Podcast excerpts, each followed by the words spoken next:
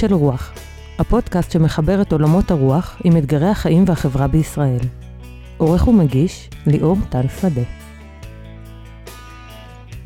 רגע לפני תחילת הפרק אני שמח לספר לכם שבעקבות אה, הפרקים שעשינו כאן על חלופות לצדק ובייחוד בעקבות הפרק על דרך עץ החיים ותגובות שהתקבלו אליו, אה, החלטתי לעשות אה, סדרה של מפגשים, קורס מיסטריאלי מקוון בזום, סביב הנושא הזה של אתיקה חדשה של צמיחת האדם והתפתחות האדם, האתיקה שאותה אני מכנה דרך עץ החיים, ואנחנו, זו הזדמנות להיפגש, אמנם דרך הזום, אבל להיפגש וללמוד את הטקסטים ביחד לעומק ולשוחח עליהם אה, ולייצר איזה בית מדרש סביב הנושא הזה. אז אחרי החגים זה יקרה, עשרה מפגשים ימי שלישי בערב אה, מסלון ביתכם, אה, דרך הזום, שאני אשמח מאוד אם תירשמו ותצטרפו אליי, ואם אתם רוצים להבטיח את מקומכם, אז זה הזמן עכשיו ממש לבצע את הרישום, אפשר לעשות את זה דרך אתר קולות, ואם אתם לא מסתדרים פשוט צרו איתי קשר, אני אשלח לכם את הלינק המתאים, אז אתם מוזמנות ומוזמנים להצטרף.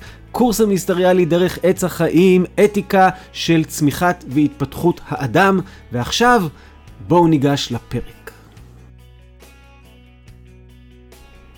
שלום לכם ולכן קולות של רוח, ואנחנו בפרק השישים אה, בתוך סדרה שעוסקת באשמה וברגשות אשמה, אה, ואנחנו נמצאים שוב, צריך להגיד, עם פרופסור אבי שגיא, שלום אבי.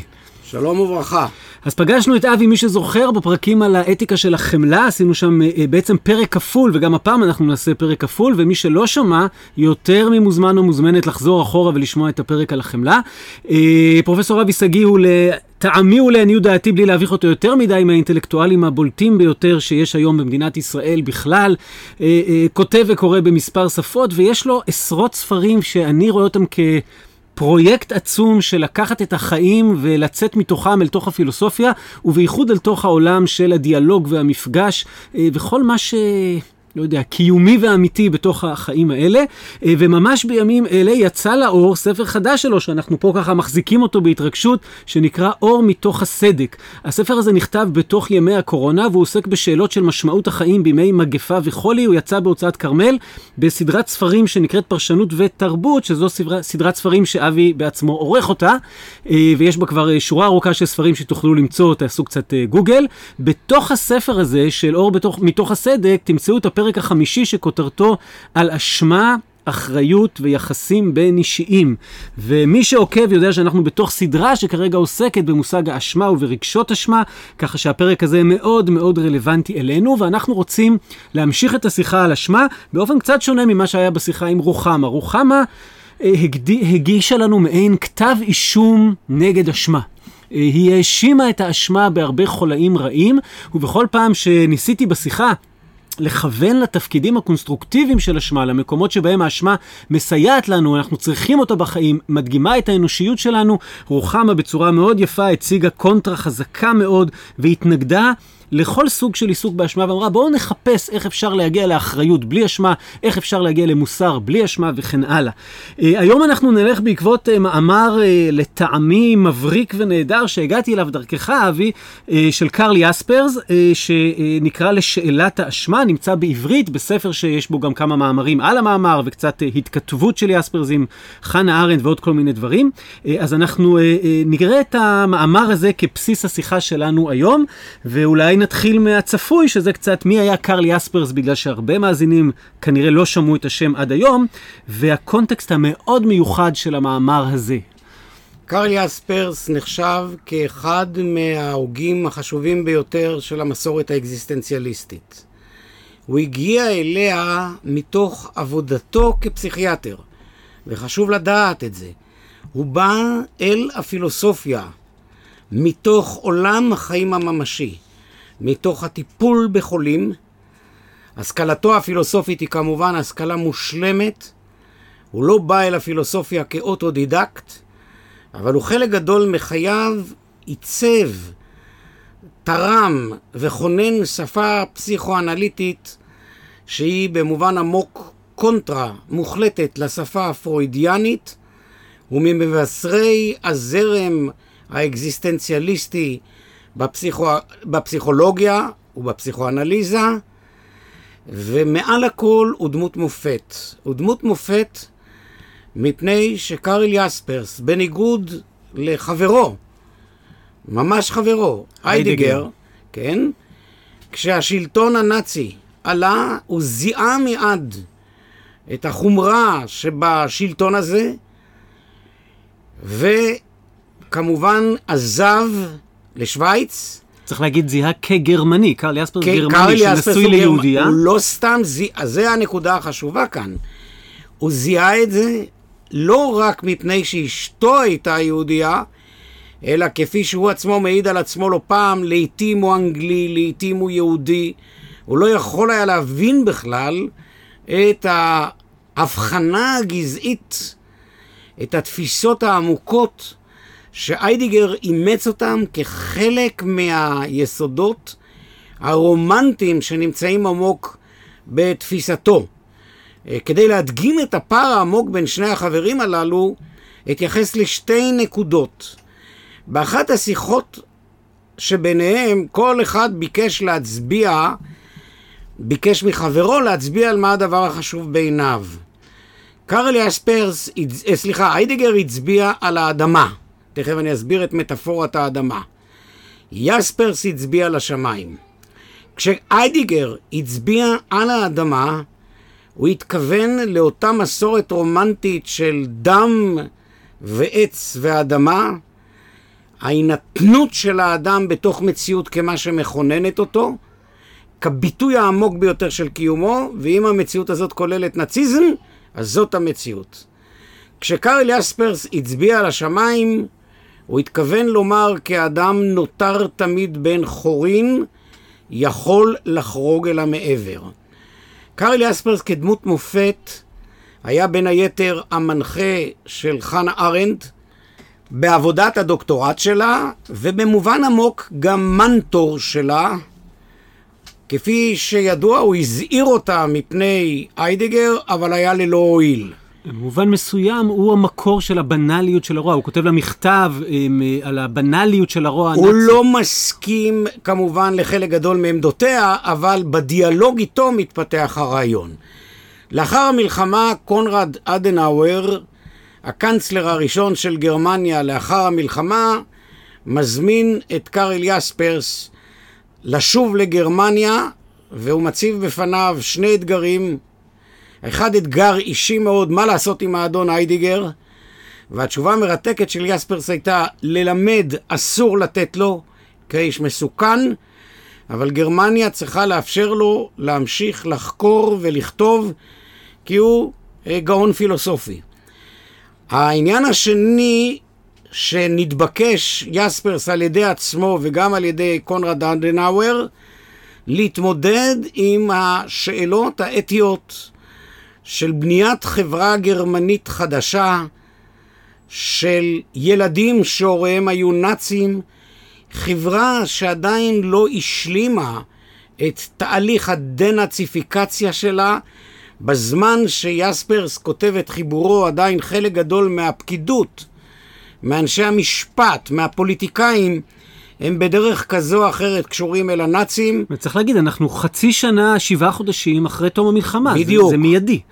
וקארל יספרס פונה בעצם באמצעות הטקסט הזה אל הדור הצעיר, והטקסט הזה הפך להיות טקסט מכונן, ובין היתר השפיע על תנועת הכפרה הגרמנית, והוא להערכתי אחד הטקסטים החשובים ביותר בתולדות המחשבה האתית, המעשית, מפני שתוצאות הטקסט הזה הן רבות חשיבות, ואני מקווה שהיום נוכל להתייחס לחלק מהם. הוא, הוא אגב הותיר מורשת פילוסופית כבדה ועמוקה שמעוררת עניין היום יותר מתמיד, גם פה וגם בישראל.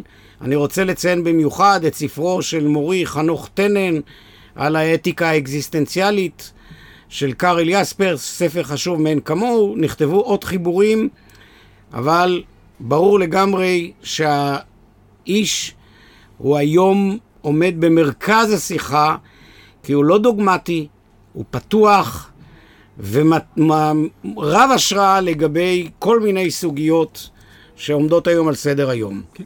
אז אני אגיד שכשקראתי את הטקסט של שאלת האשמה, הוא, הוא כאילו עומד בפני עצמו במובן של טקסט מאוד מאוד חשוב על אשמה, אבל כשאתה יודע שכרגע הוא מדבר עם גרמנים בגרמניה בסוף 45, תחילת 46, זה מקבל איזה נופח כזה מטלטל, ובמבוא לכל הדבר הזה, הוא מנסה לשכנע אותם שצריך לדבר. נכון. לשוחח, ושם הוא, הוא כותב דברים, שאתה יודע, אני מלמד בבית מדרש, שאנחנו תמיד מתחילים כל שנה בתרבות של מחלוקת, ובאלו ואלו, ומנסים, וזה כאילו הוא למד את הסוגיות הללו ומנסה עכשיו להגיד אותם אה, בשפתו שלו. אה, אני אולי אקריא איזה כמה משפטים מתוך המבוא הזה, שהוא לטעמי יפהפה. אנו רוצים לשמוע נימוקים ולהיות מוכנים להגיע לתובנה חדשה. אנו רוצים לשם ניסיון להעמיד את עצמנו נפשית במקומו של הזולת. כן, אנו רוצים בהחלט לחפש את מי שחולק על דעתנו. הבחירה במשותף שבמנוגד חשובה מן ההתקבעות הנמהרת בעמדות השוללות זו את זו, שבה השיחה מסתיימת בלי תוחלת. אין קל מלהשמיע בלהט שיפוטים נחרצים. קשה יותר לבחון דברים בשלווה. אין קל מלקטוע תקשורת בטענות מתריסות. קשה יותר לבחון טענות המועלות בלי הרף ולרדת לחקר האמת. אין קל מלבחור בדעה ולהיאחז בה כדי להימנע מן הצורך להמשיך ולחשוב. קשה יותר להתקדם צעד אחר צעד ולעולם לא להתנגד לשאלות נוספות. העמדה הזאת שאתה רואה כאן אותה בתמציתיות מזוקקת ויפהפייה, היא יסוד עמוק בפילוסופיה של קארל יספרס. הוא כתב שלושה כרכים קלאסיים של ספר שנקרא פילוסופיה. אחד הפרקים המופלאים והחשובים ביותר שהוא כתב הוא על הנושא של התקשורת ומשמעותה. קארל יספרס הבין שאנחנו כבני אדם נעשים ומתהווים עם הזולת. הזולת הוא לא המראה, כמו בהגדה, שמדווח לנו ומחזיר לנו את אישיותנו. הזולת הוא מי שעימו אנחנו מסתכנים, זה המונח שלו, על קיומנו. אדם יודע איך הוא נכנס לקומוניקציה, אבל אוי לו אם הוא גם יודע איך הוא יצא ממנה, כי אז לא היה דיאלוג. הייתי אומר סיכון וסיכוי, אם נרצה לשחק עם העברית. ממש כך, כן. ממש כך. זאת אומרת, אנחנו מתהווים עם בני אדם. אגב, זה מאוד מרתק. גם איידיגר, שוב, אלה הם שני הוגים שתמיד פועלים האחד מול השני, הכיר בעובדה שהאדם הוא לעולם עם האדם. אבל עבור איידיגר, היות עם הזולת הוא איום. הוא איום על האותנטיות שלך, הוא איום על היותך לעצמך ובשביל עצמך. אצל יספרס ככה אתה בונה את האותנטיות ואת עצמך. בדיוק, להיות, משמעו להיות עם בסולידריות, במסע אנושי משותף. במובן העמוק, קארל יספרס ממשיך את המסורת שראשיתה אצל הייגל, של להיות עם הזולת, יש בו יסוד של קרב. של עימות, אבל כמו שעגל קורא לזה, עימות של אוהבים. דבר מיוחד שאנחנו רואים שם, אני, אני לפחות רואה אצל יספר, כאילו הוא גם מודע לקטנות האלה, ש, באמת, הוא, הוא מדבר על איך אנחנו קופצים לשיפוטיות, הוא מדבר על, כאילו על הסכנות שאורבות שם בדרך בצורה כל כך שרואים שלאיש, אה, לא יודע, יש איזו אינטליגנציה פסיכי... רגשית גבוהה. הוא היה מעבר לכל, הוא רופא, כן. פסיכיאטר שהבין את הפתולוגיה האנושית. שהאיש, כשהוא מדבר על בני אדם, הוא מדבר על בני אדם ממשיים, לא על מדומיין כן, אנושי. כן. ובני אדם כאלה הם. אוקיי. כך אנחנו. טוב, אז עכשיו נגיע בעצם לנושא שלנו. הנושא שלנו הוא אשמה, ויספרס בתחילת המסה הנפלאה הזאת מחלק לארבעה סוגים של אשמה. החלוקה הזאת, לי לפחות, עשתה הרבה סדר. ננסה רגע להציג את ארבעת סוגי אשמה. אנחנו מדברים על אשמה פלילית, פוליטית, מוסרית, ואולי הקשה יותר להבנה, ולטעמי הכי מרתקת, מטאפיזית. אז בואו ננסה רגע על כל אחד... אבל לפני זה עוד אשמה, הפסיכולוגית. זאת אומר... אומרת, לפני כל סוגי ההאשמות הללו, יש נושא שצריך להוריד אותו מסדר היום, ושיספרס רומז עליו, אבל הוא לא עומד במרכז השיחה, אתה צודק ליאור. והיא האשמה הפסיכולוגית. כמעט הייתי אומר שהמושג אשמה פסיכולוגית הוא סוג של הפרעה שמונעת מבעדנו לראות את היסודות החיוביים שיש. שמה, אשמה פסיכולוגית זה הדבר הזה שרודף אותי בגלל uh, התניות על- ילדותיות וכן הלאה? בפסיכולוגיה, החוויה של היות השם הוא סוג של בעיה, שתפקיד הפסיכולוגיה הוא לתאר ולנקות את האדם מהיותך השם. כן, במובנים רבים רוחמה בעצם דיברה על זה בפרק הקודם. אני לא, לא רבים, שמעתי את אה, דבריה, אבל אין ספק שהפרויקט הפסיכואנליטי מודע לכך שאדם חווה באופן פסיכולוגי חוויות אשמה שמקבעות אותו, ששוללות ממנו את ההתפתחות שלו, ועבור קארל יספרס, כמו עבור הוגים אחרים בני דורו, כמו פול טיליש ועוד אחרים, ברור לגמרי שאי אפשר לפלס את הדרך אל מושגי האשמה הרלוונטיים אם לא מנקים את מושג האשמה הפסיכולוגי. מפני שהמושג האשמה הפסיכולוגי, הדבר המייחד אותו, זו חוויה של האשמה שבאה מבחוץ על האדם. היא נכנסת לתוך האדם, משבשת את אורחות חייו, הוא לא רוצה בה, אבל הוא חווה אשמה שמטלטלת אותו וקורעת אותו. ובעצם האשמה הפסיכולוגית הזאת צריכה להיות מסולקת, כדי להחזיר אל האדם את החוויה של היותך חף מפשע.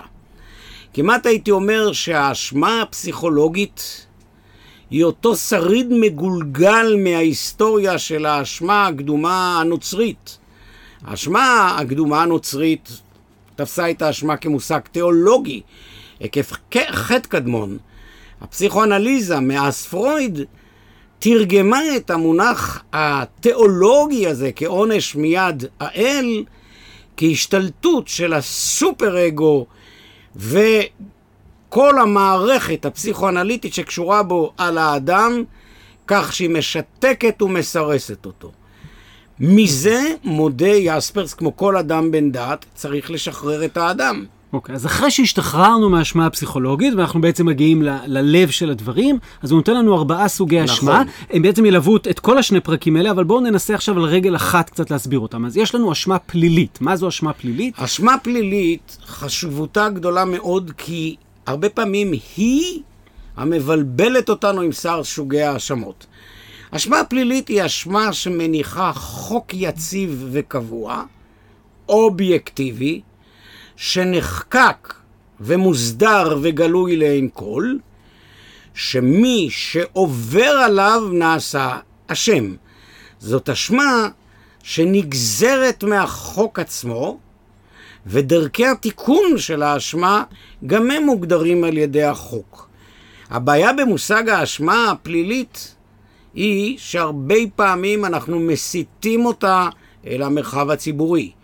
כאשר הציבור או מי ממנו ממנה את עצמו לשופט, למבצע גזר הדין, ובכך שולל א' את הבסיס האובייקטיבי של החוק, הוא מחליף את החוק באמצעות הפרסונה שלו, שלו כדובר, או שלה כדוברת, הוא גם לא מאפשר את השיח שסדר הדין המשפטי מאפשר.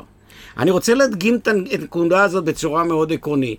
פרופסור ג'ו ויילר כתב אה, ספר נפלא על משפטו של ישו, והטענה המרכזית בספר, שתרומה עצומה תרמו הרומים בהתרחשות הזאת שהייתה שם. הם נתנו קול לישו לומר את דברו. זה לא היה משפט ללא קול, ללא הליך מסודר. וזה הדבר המרכזי באשמה הפלילית. האשמה הפלילית היא אשמה שיש בה תהליך מסודר. אגב, הסובייקט של האשמה הוא לעולם הפושע היחיד.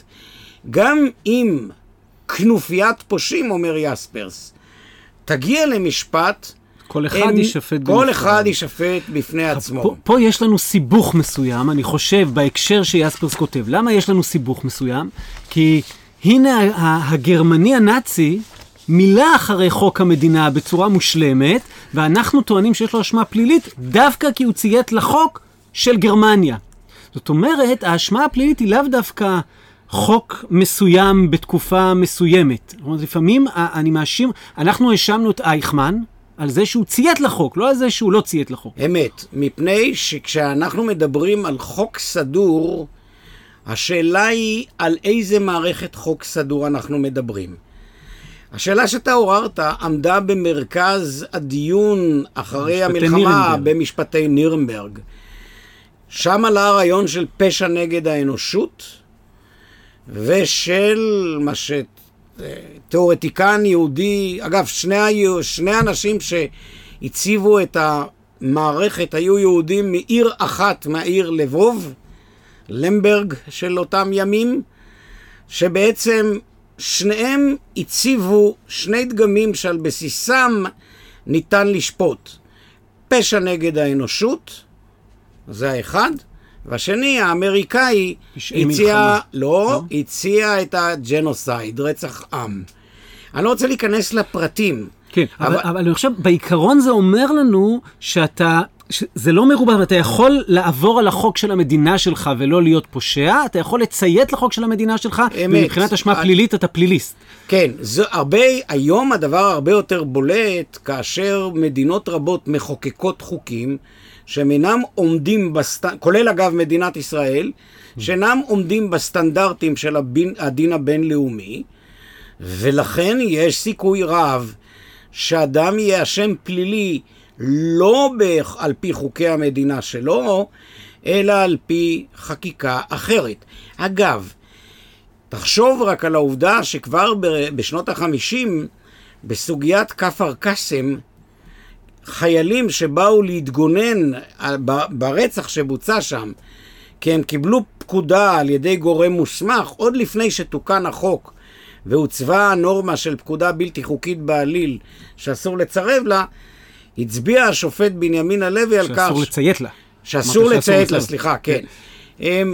הצביע השופט בנימין הלוי שיש הוראות שדגל שחור של אי כן. מוסריות מתנוסס עליהן. הוא בעצם המציא את הפקודה הבלתי חוקית בעליל, לא. שאחרי לא, זה נכנסה לחוק. לא, לא, לא, לא הוא המציא, המחוקק הישראלי תיקן והמציא. כן, כן, אני אומר, אחרי זה זה נכנס לחוק. מה שהוא המציא, בגרשיים, זה את מה שקהלת לימד אותנו בימים עברו.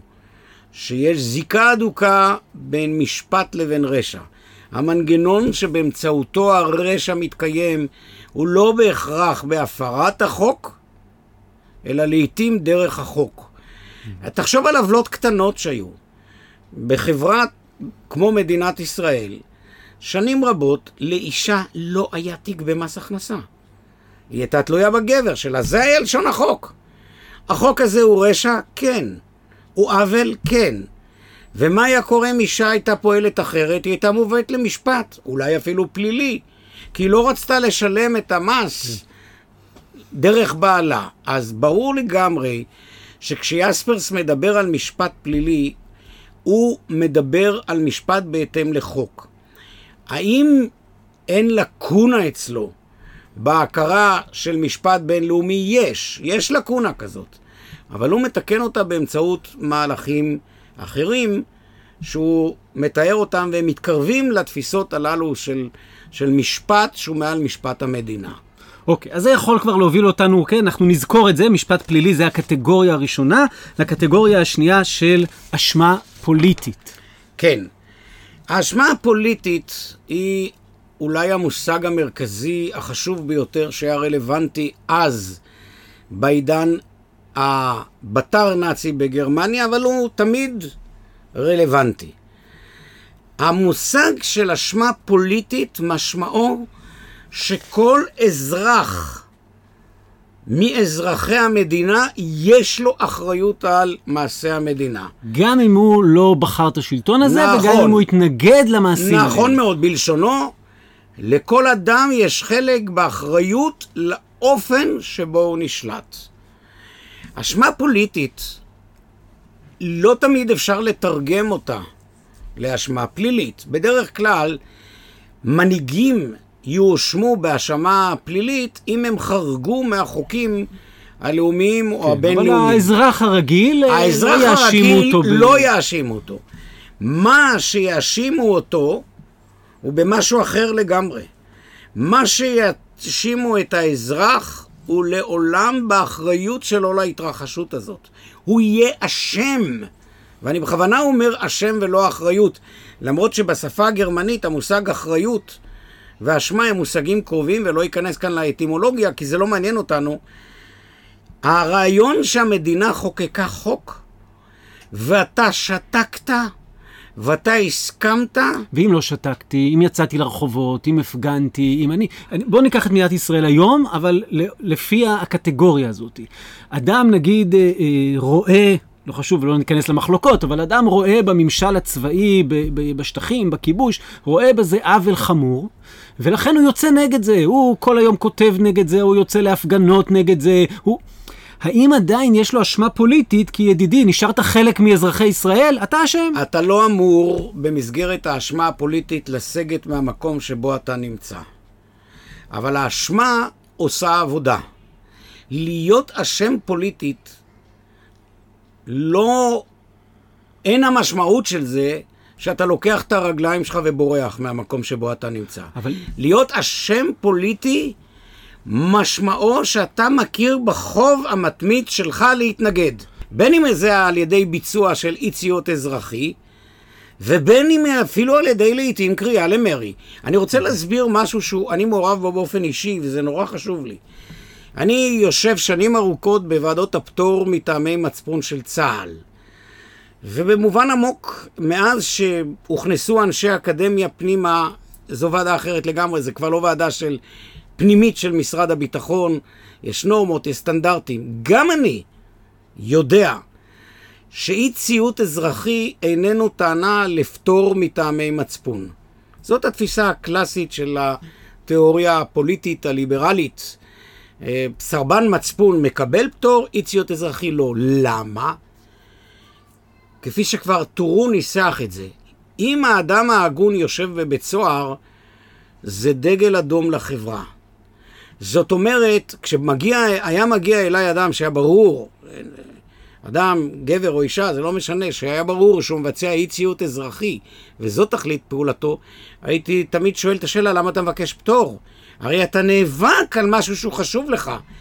אם אתה יושב בבית הסוהר, לי יש בעיה. מפני שאתה מצביע על, על דילמה עמוקה. לזה אני קורא אחריות פוליטית. חלק גדול מהאנשים שחווים את חוויית האשמה אומרים איננו יכולים עוד. אני לא תובע מבני אדם לחיות במקום שרע להם באופן מוחלט. יש לעיתים רגעים שאדם אמור להסתלק מהמקום של הרשע. אני לא תובע מאף אדם שחי בגרמניה הנאצית, תילחם שמה. כן, גם יספרס ברח לשוויץ. בדיוק, כן. אבל המקרים היותר מרתקים וחשובים זה המקרים של המציאות היומיומית שלנו בישראל כאן, שבו אתה, אתה נתקל בעוולות, הזכרת את הסיפור הפלסטיני, תעזוב את השאלה והמחלוקת האידיאולוגית בין ימין לבין שמאל. נניח אותה לרגע בצד. כשאתה מסתובב בשטחים ואתה רואה את מעשי העוולה שנעשים באמצעות צווים חוקיים של המדינה, אתה לא צריך להיות איש שמאל כדי להתקומם. אתה אומר מדינה שמבצעת עוולות כאלה, שגונבת שטחים של אנשים שמחזיקים בטאבו ובקושאן על המקומות שלהם, מכל מיני שיקולים, זה מה שעוולה. מה אתה צריך לעשות? להיאבק. ואתה נאבק, כמו שלימד אותנו דוד שולמן בספרו להיות חופשי, כשנקודת המוצא שלך היא דווקא ייאוש. אתה לא בהכרח הולך לשנות את המדינה, אבל אתה נאבק מפני שאתה מכיר באחריות שלך למציאות הזאת. ואולי אני אגיד למאזינים שלא יודעים, אני חושב שזה נותן פרספקטיבה, לא שזה קריטי כאן, שאתה היית אחד האנשים שכתבו את רוח צה"ל. זאת נכון. אומרת שהכוונה היא למאבק מבפנים שמנסה בדיוק. לעשות תיקון. עכשיו, אני, תגיד לי אם אתה מקבל את הניסוח שאומר ככה, כל עוד לא עשית כל שביכולתך כדי להתנגד לעוול, אז אתה חלק מהאשמה הפוליטית. גם אם לא אתה עשית את העוול, אז אתה, יש, רובצת עליך אשמה פוליטית, ובמובן הזה יספרס אולי מכיר בזה שהוא עצמו, יש עליו אשמה פוליטית. הוא לא רק שמה שאתה אומר זה לא ספקולציה, זה כך. הוא, עוד נראה את זה בהמשך, הוא תרגם את זה במערכת מושגית של מה שהוא מכנה האשמה הקיומית, שהיא לא נמצאת בתוך הטקסט על האשמה, אבל במקומות אחרים שלו. כן, ואתה כותב עליה בפרק כן, החמישי בספר. כן, אין ספק. הרעיון המרכזי, ולכן אי אפשר לוותר על מושג האשמה. אם אתה מוותר על מושג האשמה, משהו משתבש. אם אני אשם, אז אני לא רק אחראי. אם אני אשם, אז עליי להתנקות מאשמה.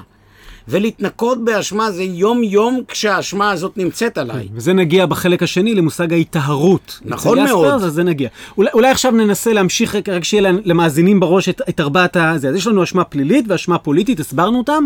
אשמה מוסרית. כן. אשמה מוסרית זה המושג המרתק ביותר אצל יספרס וגם המורכב. קודם כל צריך להבהיר מהו לא. אשמה מוסרית איננה אלא אשמתו של יחיד זה. היא לעולם לא חורגת מהיותו של האדם עצמו הסובייקט המכיל על עצמו את האשמה. בניגוד לאשמה הפוליטית. האשמה הפוליטית היא בגלל שהאדם נמצא במקום שזה לא מתחולל. והנה המוסרית, כן. אתה... אתה עכשיו, צריך רק להבחין בין ש- אשמה מוסרית לנורמות וערכים מוסריים. נורמות וערכים מוסריים הם נורמות אוניברסליים בדרך כלל. זאת אומרת, אסור לגנוב, לכל באי עולם אסור לגנוב. אסור לרצוח, לכל באי עולם אסור לרצוח. לחוות אשמה מוסרית זה משהו של האדם, של הסובייקטים עצמו.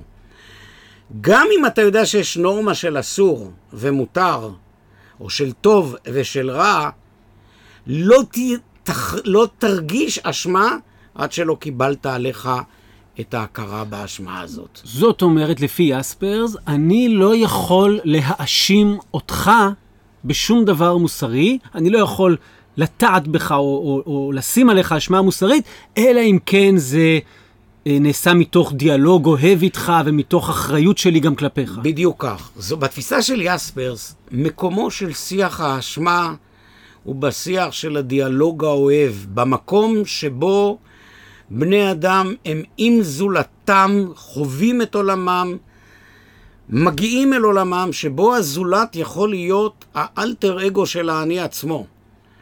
עכשיו, אי אפשר להטיל אשמה מהחוץ. אני יכול לבוא ולומר, המעשה X או Y הוא אסור, או הוא רע. אינני יכול לומר אתה אשם. אם אני אומר אתה אשם, אני גורר את מרחב השיח המוסרי אל המרחב של השיח הפלילי. האשמה המוסרית היא אשמה פנימית. תשאל בשביל מה היא חשובה. כן, שאלתי. לכאורה, אוקיי, עשיתי מעשה אסור, אז מה עוד?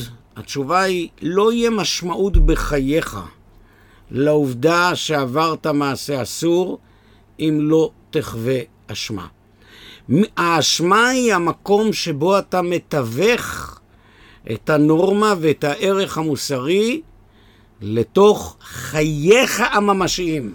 זאת אומרת, אני יכול, אני מבחוץ, יכול לעורר אותך לתהליך שאולי אתה בו תחוש אשמה ותיקח אשמה, אבל אני לא יכול להגיד לך אתה אשם, אני לא יכול להטיל עליך אשמה. אני לא יכול להיות אשם גם במקומך, אני לא יכול להטיל עליך אשמה, כי את התהליך הזה של האשמה, כתהליך של הפנמה, הוא משהו שהאדם עצמו יוכל, חייב לבצע לבדו. אגב, אם נעיין בהלכות תשובה היהודיים, זה הרי כתוב שם שחור על גבי לבן.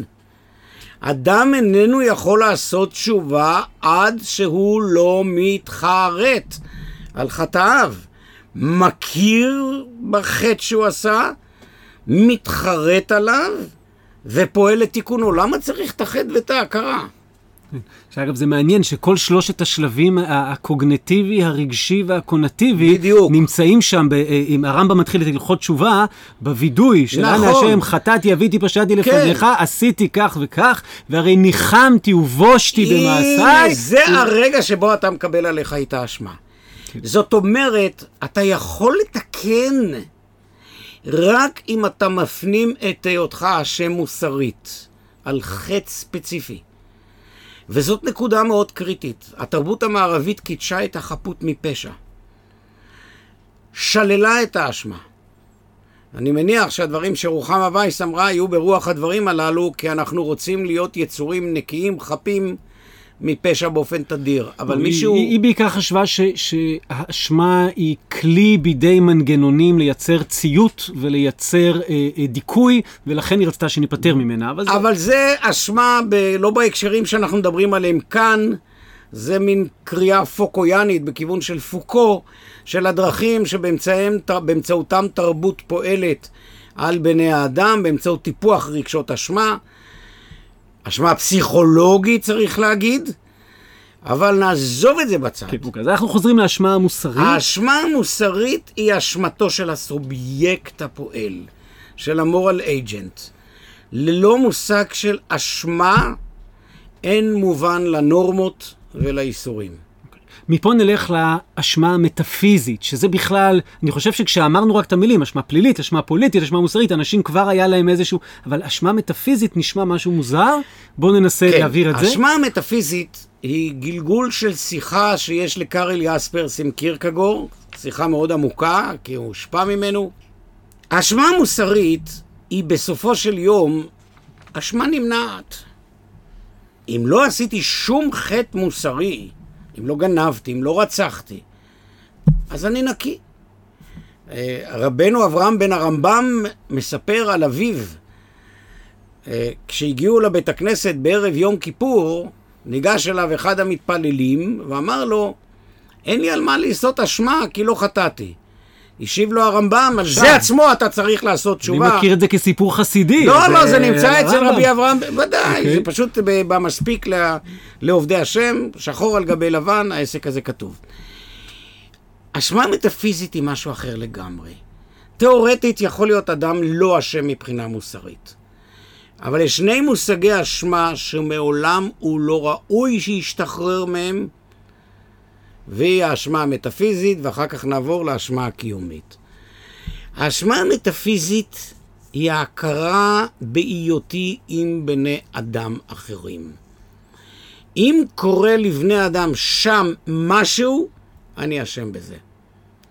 מה פירוש אני אשם בזה? הרי אני לא עשיתי להם את זה. אבל עוד פעם, האשמה היא קודמת לנורמה כאן. היא האופן שבו אתה מציב את עצמך ביחס למה שנעשה שם. האם זה עניינך, או האם זה לא עניינך? האם אתה מצומצם בתוך האני הקטן שלך, או מה שקורה שם, מחוץ לדלת שלך, הוא גם אתה. כי אנחנו, טוען יספרס, תמיד נמצאים בסולידריות עם כל בני המין האנושי. זו טענה מאוד רדיקלית. אני, אני עצמי לא חושב שקרל יספר צודק שאנחנו נמצאים עם כל בני האדם בסולידריות, אבל אנחנו יכולים ללכת ולהרחיב את גבולות הסולידריות. גבולות האשמה שלי הם הגבולות של קיומי. ככל שאני אשם יותר, אני יותר נפתח אל זולתי. בהיותי חי בעולם שבו נעשו עוולות מהסוג הזה, אני כבר נושא בי אשמה. אולי, אני לא יודע אם, זה, אם הוא יסכים עם זה, אולי אפילו אם אני חלק מהקורבנות. בוודאי. אבל עדיין אני כאילו... זו טענה שהעלה כבר בזמנו אלבר קאמי, שיש שיתוף בין הקורבן למקרבן, בין התליין לבין הנתלה. אנחנו חיים בעולם כזה. זה עולם אנושי. זה העולם שלנו. אדם לא יכול לעוג לו עוגה שמבדלת אותו משאר קיומו, משאר המין האנושי, ואומר כאן אני חי. הטענה של קארל יספרס על סולידריות היא טענה שהיא עמוקה מאוד. עכשיו, כדי להבין את עמדת יספרס, אני רוצה להציב אותה מול עמדה נגדית. רגע, אולי אני אקריא את יספרס פה, בבקשה. ואז תציב אה, אה, מול, זה אני חושב אה, המשפטים פה, הניסוח שלו חשוב. הוא אומר ככה, יש סולידריות בין בני אדם כבני אדם, המשתפת כל אדם באחריות לכל עוולה ואי צדק בעולם, ובמיוחד לפשעים הנעשים בנוכחותו או בידיעתו. כשאיני עושה את כל מה שאני יכול לעשות כדי למונעם, הרי אני שותף לאשמה. אם לא חירפתי נפשי כדי למנוע את רציחתם של אחרים, אלא עמדתי מנגד, אחוש באופן שאינו נתפס בצורה הולמת מבחינה משפטית, פוליטית ומוסרית.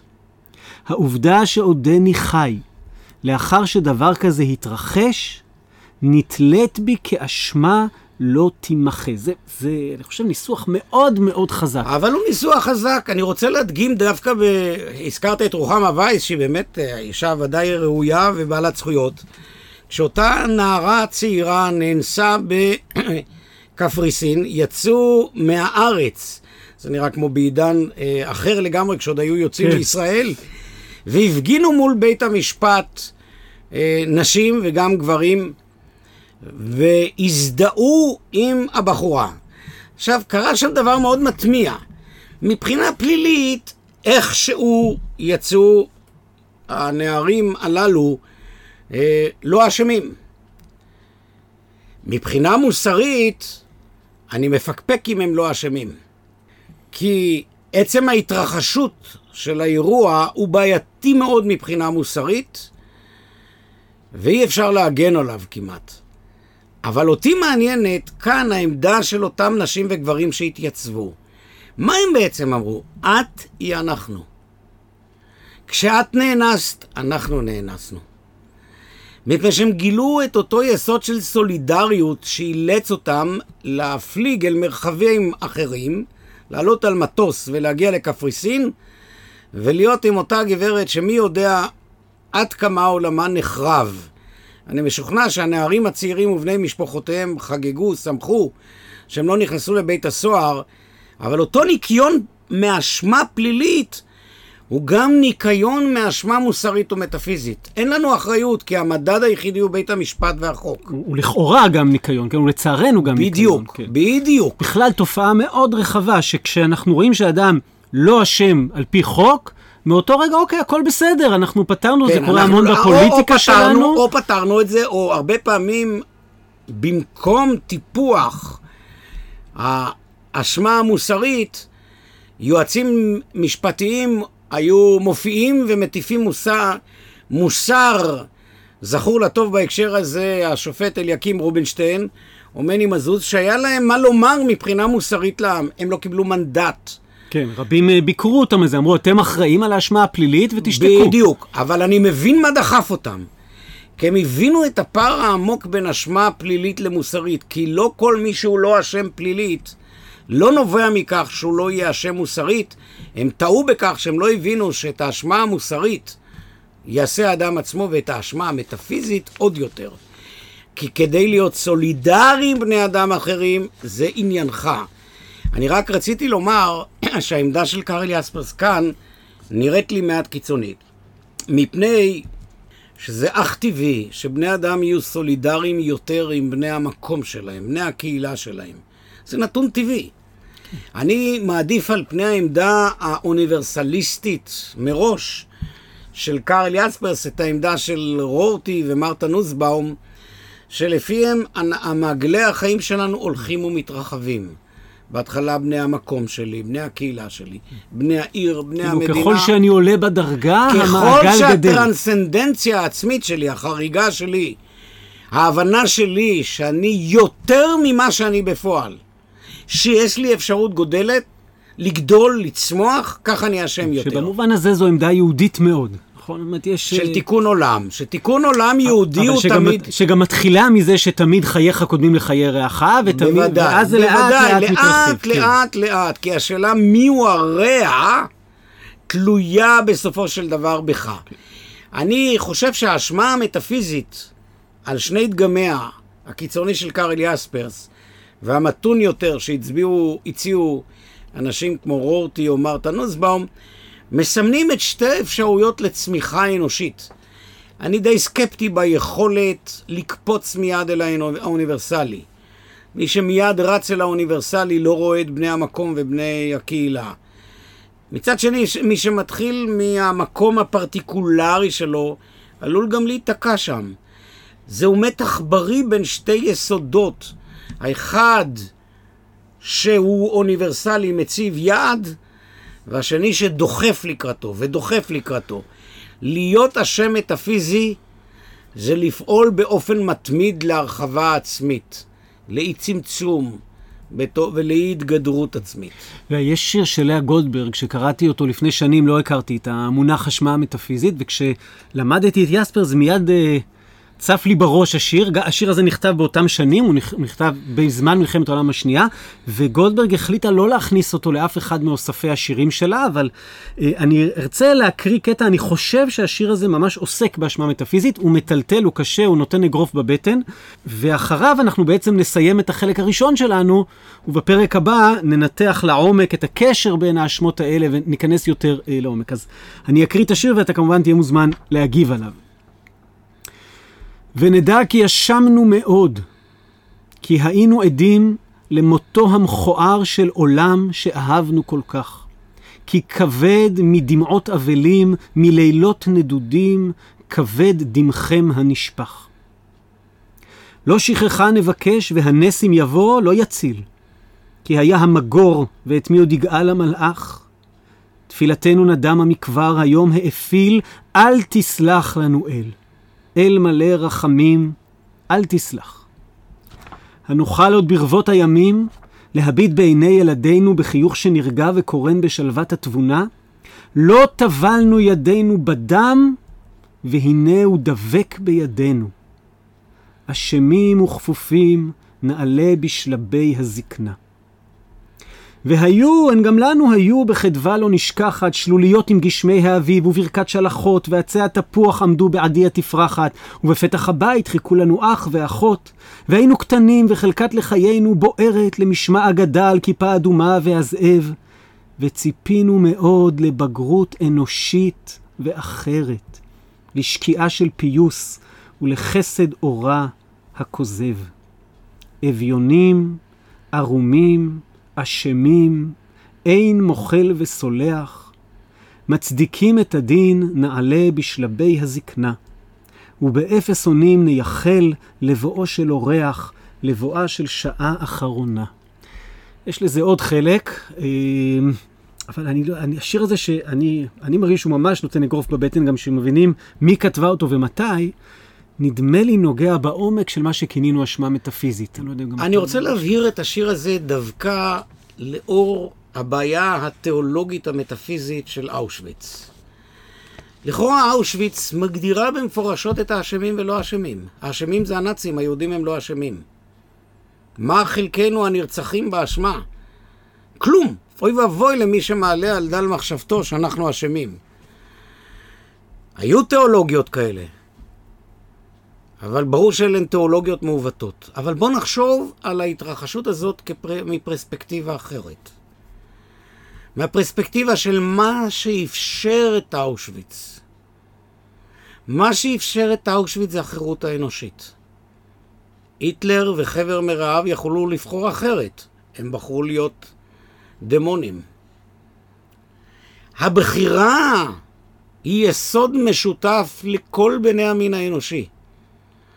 ובכל פעולה של בחירה עומדת על הפרק הבחירה בין טוב לבין רוע. אנחנו חולקים עם הנאצים את אותה החירות.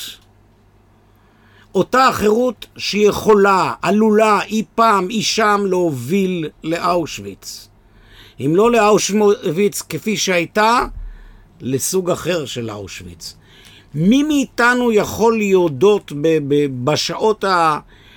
הליליות שבהם הוא ער, שלעולם לא יפעל באותו רוע שבו פעלו הנאצים. האם יש לנו איזה ביטחון? חירותנו זהה להיותנו אשמים. והאשמה הזאת היא בדיוק הביטוי לאשמה הנאצית.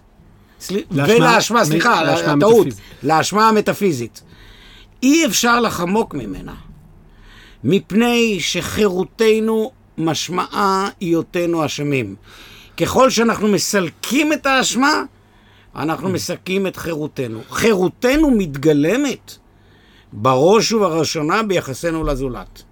אני חושב שלאה גולדברג, כשהיא אומרת לא טבלנו ידינו בדם והנה הוא דבק בידינו, כאילו הדבר המזעזע והמטלטל זה שהיא לא מתחננת לסליחה.